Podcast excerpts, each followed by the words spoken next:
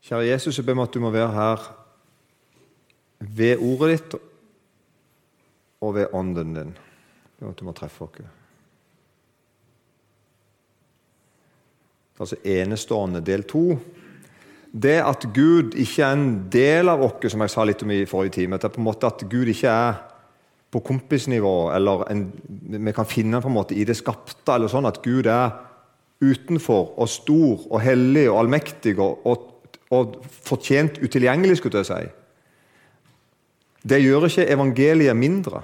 Altså, de, de, gode nyhetene om Guds rike de blir ikke mindre gode når vi, når vi, vet, når vi har det med i bak uh, har det med i bildet. At her er det en Gud som egentlig ikke trengte å ha hatt med oss å gjøre.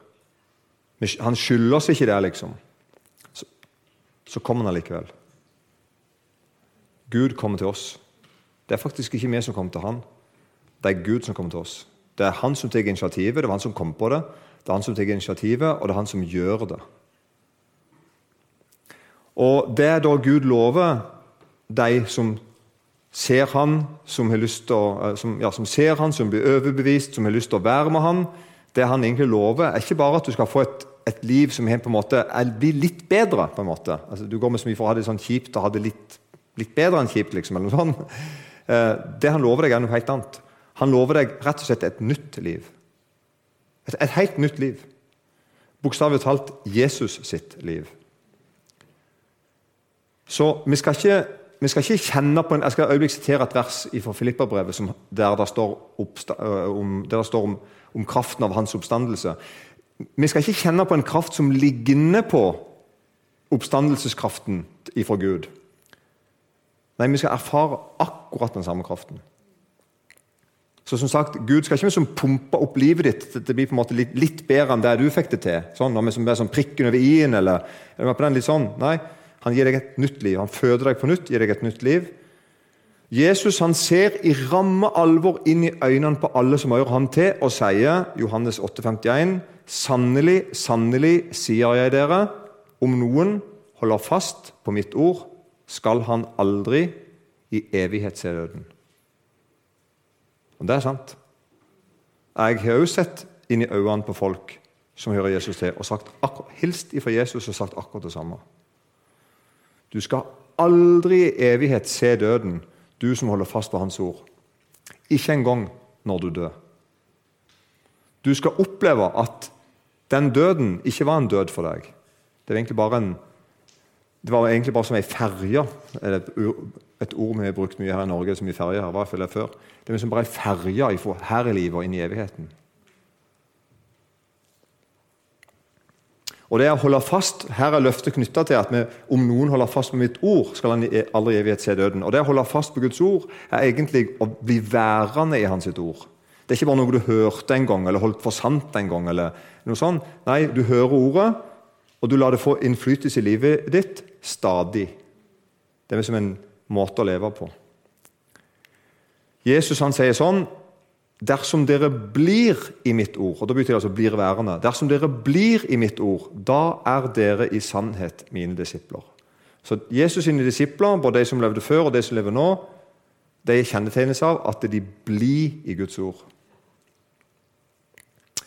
Jeg skal ta med et litt sånn lengre vers. Dette er altså i Filipperbrevet kapittel 3 og vers 7. Da er det Paulus som akkurat har sagt at hvis det er noen som har noe å skryte av når det, gjelder, når kommer til religion, og sånn, så er det han. Han er som født på riktig måte og, og gått de riktige skolene og har gjort de riktige tingene og gir kollekt. og han er som han sier at Hvis det er noen som har noe å skryte av i møte med religiøs, religiøsitet, skulle jeg si, så, så er det han. Men han sier det som var en vinning for meg, altså ting han egentlig kunne skryte av det som var en vinning for meg, det har jeg for Kristi skyld aktet som tap. Ja, jeg akter i sannhet alt for tap, fordi kunnskapen om Kristus Jesus, min Herre, er så mye mer verd. For Hans skyld har jeg tapt alt. Jeg akter det for skrap. For at jeg kan vinne Kristus og bli funnet i ham. Ikke med min egen rettferdighet, den som er loven, men med den jeg får ved troen på Kristus. Rettferdigheten av Gud på grunn av troen. Og så kommer det da så jeg kan få kjenne ham og kraften av hans oppstandelse og samfunnet med hans lidelser, i det, jeg blir gjort lik med han i hans død, om jeg bare kunne nå fram til oppstandelsen fra de døde. Så du som gjør Jesus til, du skal få rett og slett kjenne, erfare, merke, oppleve en kraft. Og da har jeg skrevet her en gang til altså, at dette er, ikke, dette er ikke en kraft som er inspirert av Jesus, eller en kraft som ligner på den kraften han ble reist opp med fra døde, men det er samme kraften. Den kraften som Gud reiste opp Jesus fra de døde med, den skal du som hører Jesus til, kjenne. Det er den samme kraften. Det er den samme Gud. Det er hans kraft, det er hans omstandelse. Det er ganske bra. Og Så skal jeg si noe, flere ting her om Gud. Én ting er at Gud er heil. Altså Med det så mener jeg at det er ikke noe løgn og svikt i Gud. Altså Gud er sånn som han sier at han er, i motsetning til alle andre. Og Dette her synes jeg er veldig vanskelig, og det mener jeg. Og Vi skal ikke gå inn veldig dypt inn i det, bare litt. Det er noe her jeg ikke fatter. For jeg syns ofte, ofte, at jeg ser en motsetning når jeg møter Gud. Jeg leser, no, jeg leser, noen ting i Bibelen der Gud er full av nåde, full av tilgivelse. ikke sant? Og, ok, Så da har jeg lært det. Gud er nådig og tilgivende. Og så kan jeg lese på noen andre sider i samme Bibelen om samme Gud at han, at han er streng, at han er vred. Har du ikke, har du ikke lest det? Og det, jeg kjenner på, Dette, dette regnestykket går liksom ikke opp for meg. Jeg klarer ikke med Det blir for mye, det blir for breit. Så vi, kan ikke, vi må velge en av delene. Er Gud sånn eller er han sånn? Nei. Gud er heil og sier at jeg, jeg er de tingene på en gang. Og Dessuten så syns jeg ofte at han slumrer eller sover. Men det som mener jeg at jeg bet han om saker og ting, så skjer det ikke. det. Ting går ikke sånn som jeg trodde det skulle gå. Ting jeg var helt sikker på var bra å be om, og så skjedde det ikke sånn. Så kjenner jeg på Gud, er du sikker på at du ikke sover? Er du sikker på at du følger med? Er du sikker på at du har fått med deg hvordan jeg har det? Er du ikke med på den? Har du ikke sånne tanker?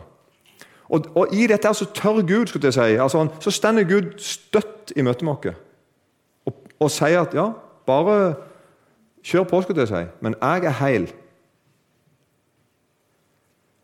God, et godt eksempel. Jesus sov i båten en gang det var storm.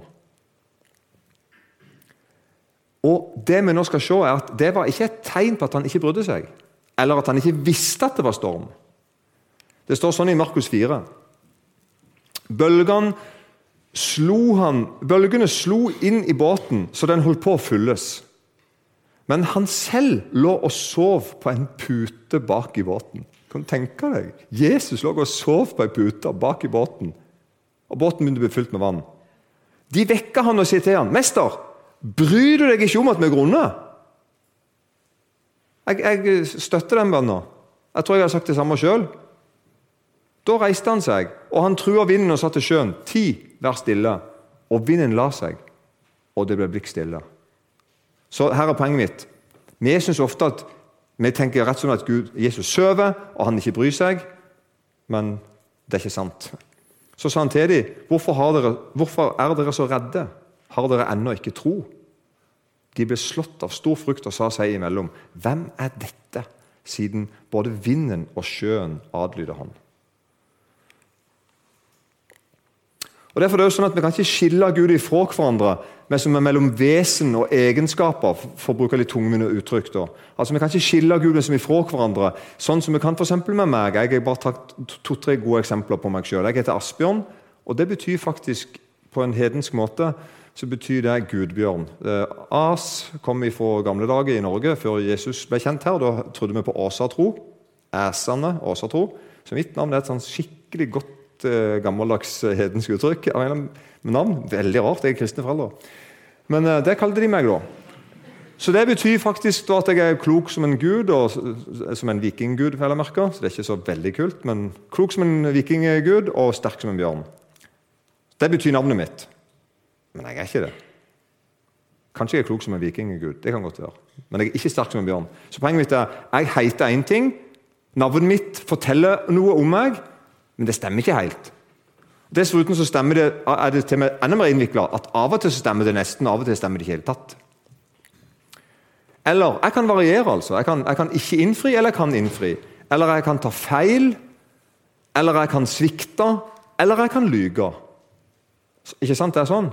Så Når det gjelder meg, da, så kan du, kan du rett og slett dele meg opp i Sånn ser han ut. Det var det inntrykket jeg fikk når jeg så han. Men han var ikke sånn alltid.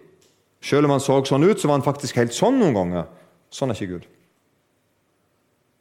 Gud er sånn som han sier at han er.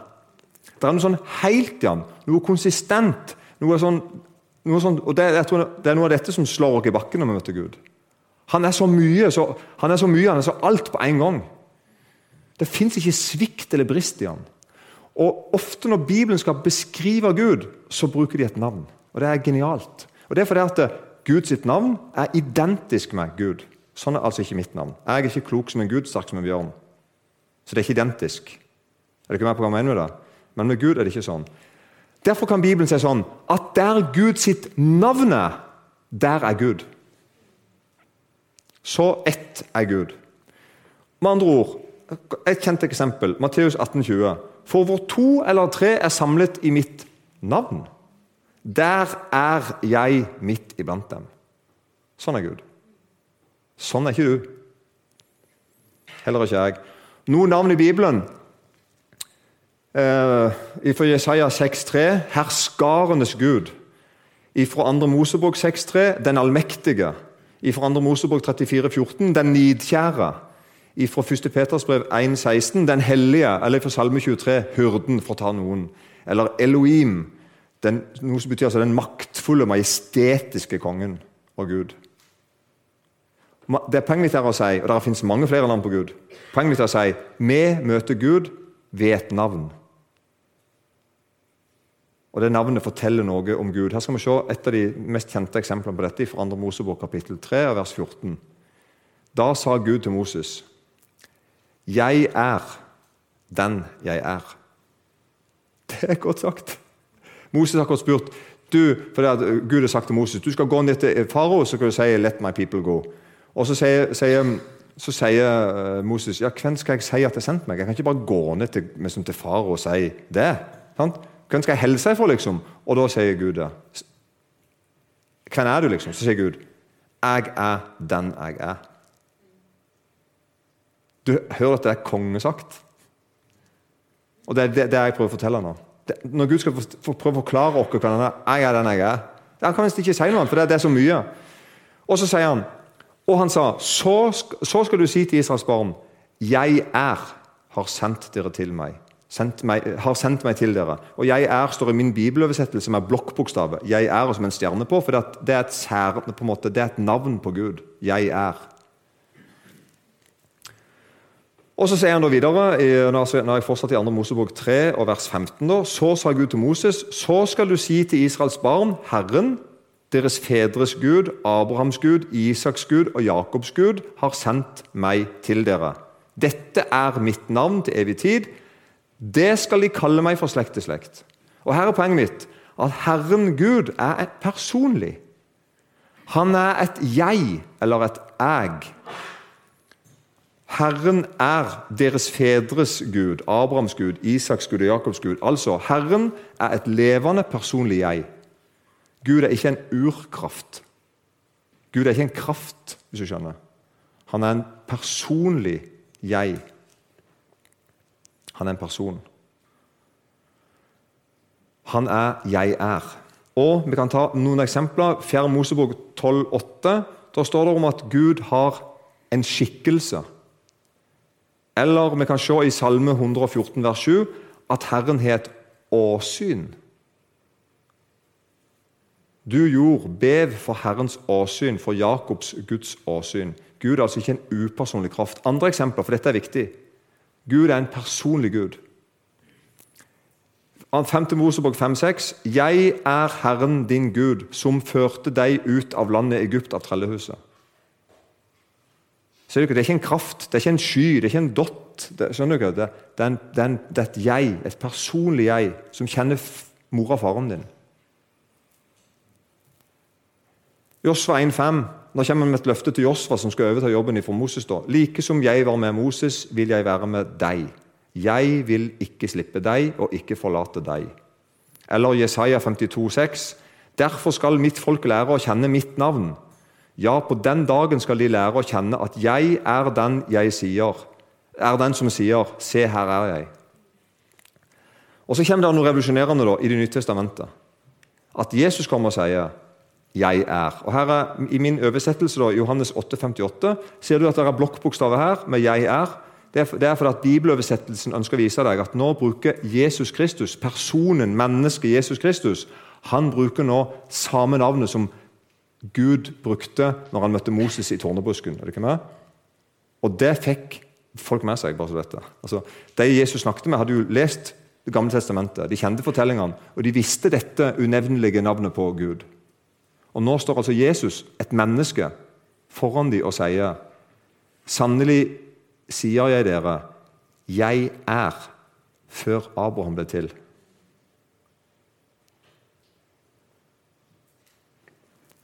Hva skjedde da?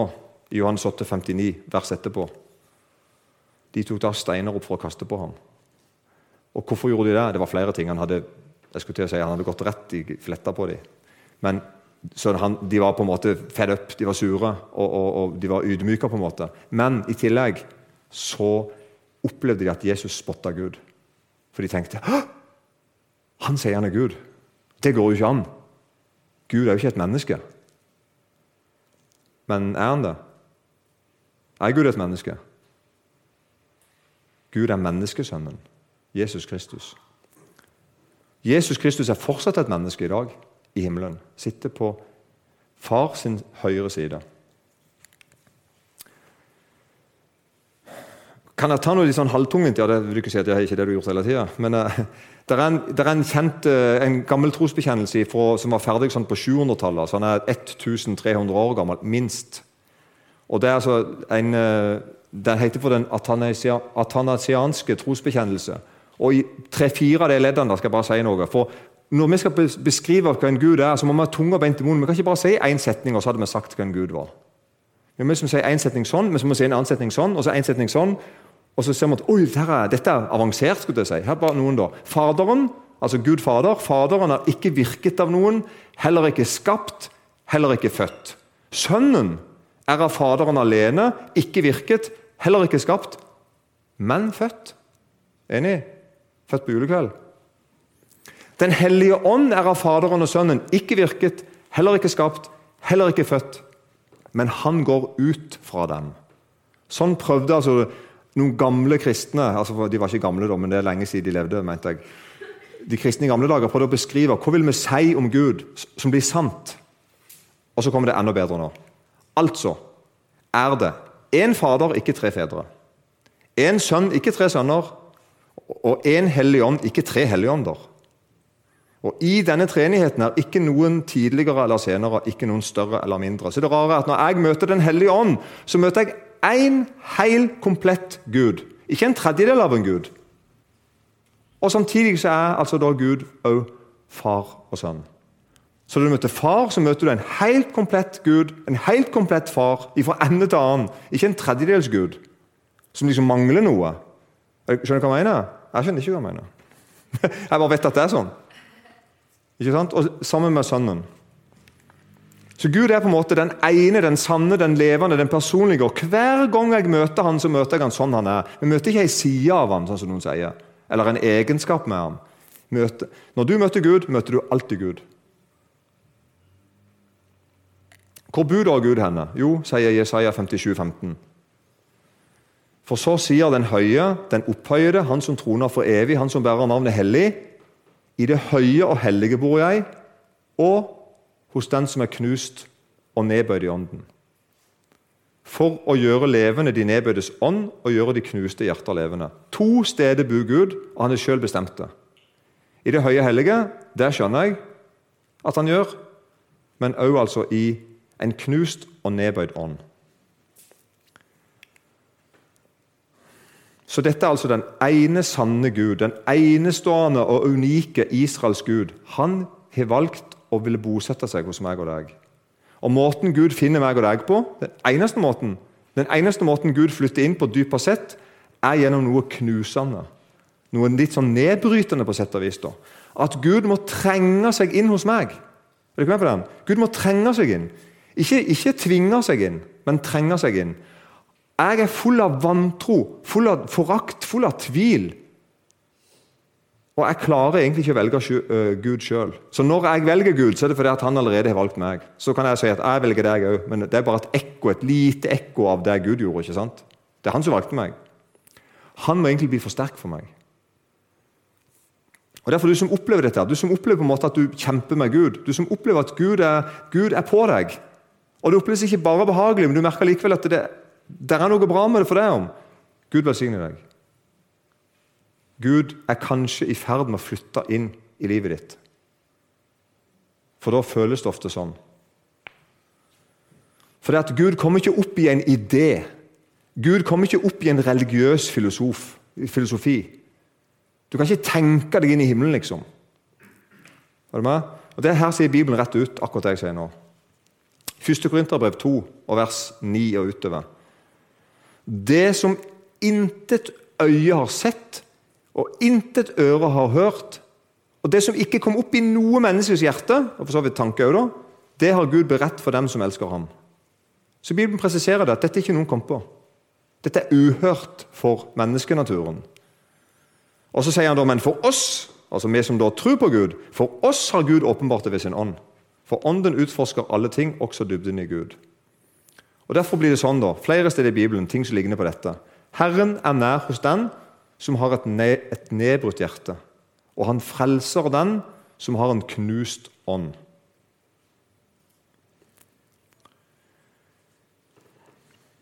Jesus, Jesus snakker om hvem er det som eier himmelens rike. For det er noen som eier himmelens rike. Hvem er det Hvem er de som eier himmelens rike? Jesus sier rett ut. Salige er de fattige i ånden, for himmelens rike er deres. Rart. Så egentlig er det sånn at du stender der, eller, eller ligger eller sitter, eller sånn, glem det, men du stender der på en måte og roper om hjelp. ikke sant? Du er så fattig. Du opplever at du er så fattig. Du er så fattig på, I møte med Gud, i møte med forkynnelse om Gud, så kjenner du å, jeg mangler ditt jeg mangler datt. Det er, så, det er så lite i meg som er sånn som Gud vil jeg skal være, og det er til og med så lite i meg som jeg, som jeg sjøl kunne ønske å være der. ikke sant? Og du ser at hjertet ditt er så halvt og så kaldt og så likegyldig. Og så roper du 'Herre, frels'. Men mens det ropet stiger opp, så veit vi at dette er å være salig. Du får himmelens rike. Guds rike er ditt. Merkelig.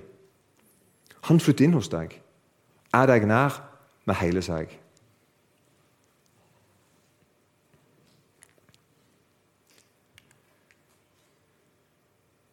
Alle som kjenner Gud, gjør det fordi han har satt initiativet. Alle som kjenner Gud, gjør det fordi han har tatt initiativet. Ingen er for smart, og ingen er for dum i møte med Guds rike. Det sier Bibelen mye om.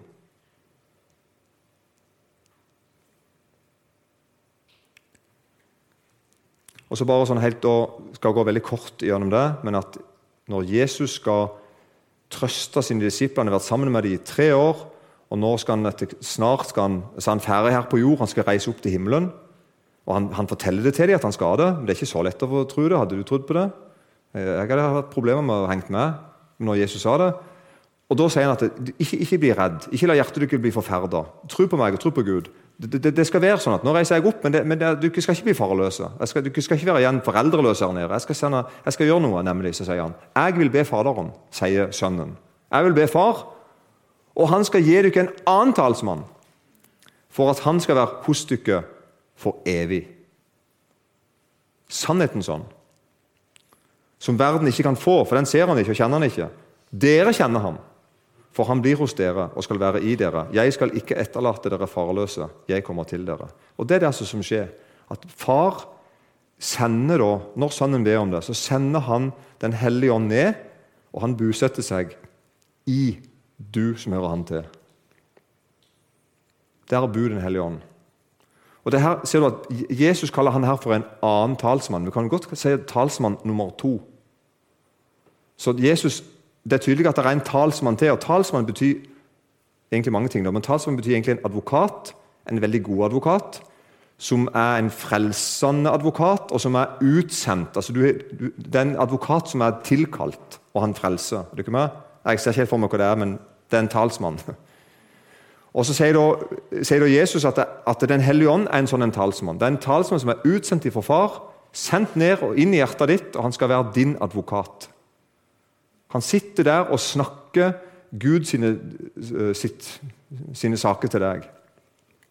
Men grunnen til at Jesus kaller han talsmann nummer to, eller den annen talsmann, er at det er en talsmann nummer én allerede, og det er han sjøl. Han finner vi i Johannesbrev, 1. Johannesbrev, kapittel 2, vers 1. Der står det Mine barn, dette skriver jeg til dere for at dere ikke skal synde. Og hvis noen synder, har vi en talsmann hos Faderen. Jesus Kristus, den rettferdige. Og Han er en soning for våre synder, og ikke bare for våre, men for hele verdens. Med på den? Så talsmann nummer én han reiser opp, setter seg på sida av far, og han er min rettferdighet. Ser du ikke det? Han er den rettferdige. Så når jeg er urettferdig, så er han rettferdig.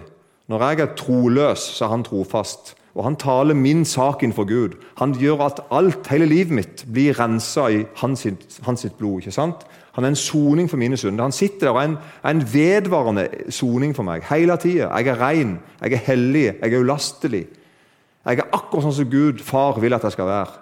Det sørger Jesus for. Og så er det altså talsmann nummer to, en som flytter inn hos meg. Så det er ganske greit å være kristen, spør du meg, å gjøre Jesus til. Og ha det sånn.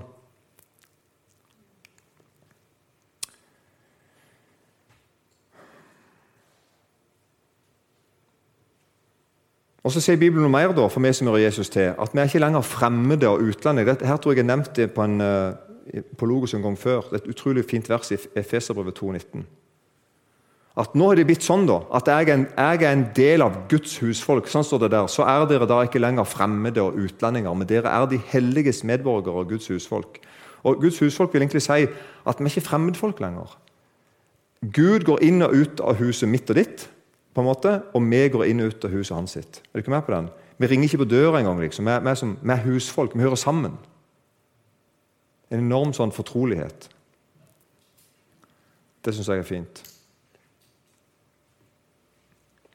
Kjære Jesus, takk at du vil flytte inn hos oss. Takk, Hellige Ånd, at du våker ved ordene og åpner Skriftene for oss når vi, når vi leser dem.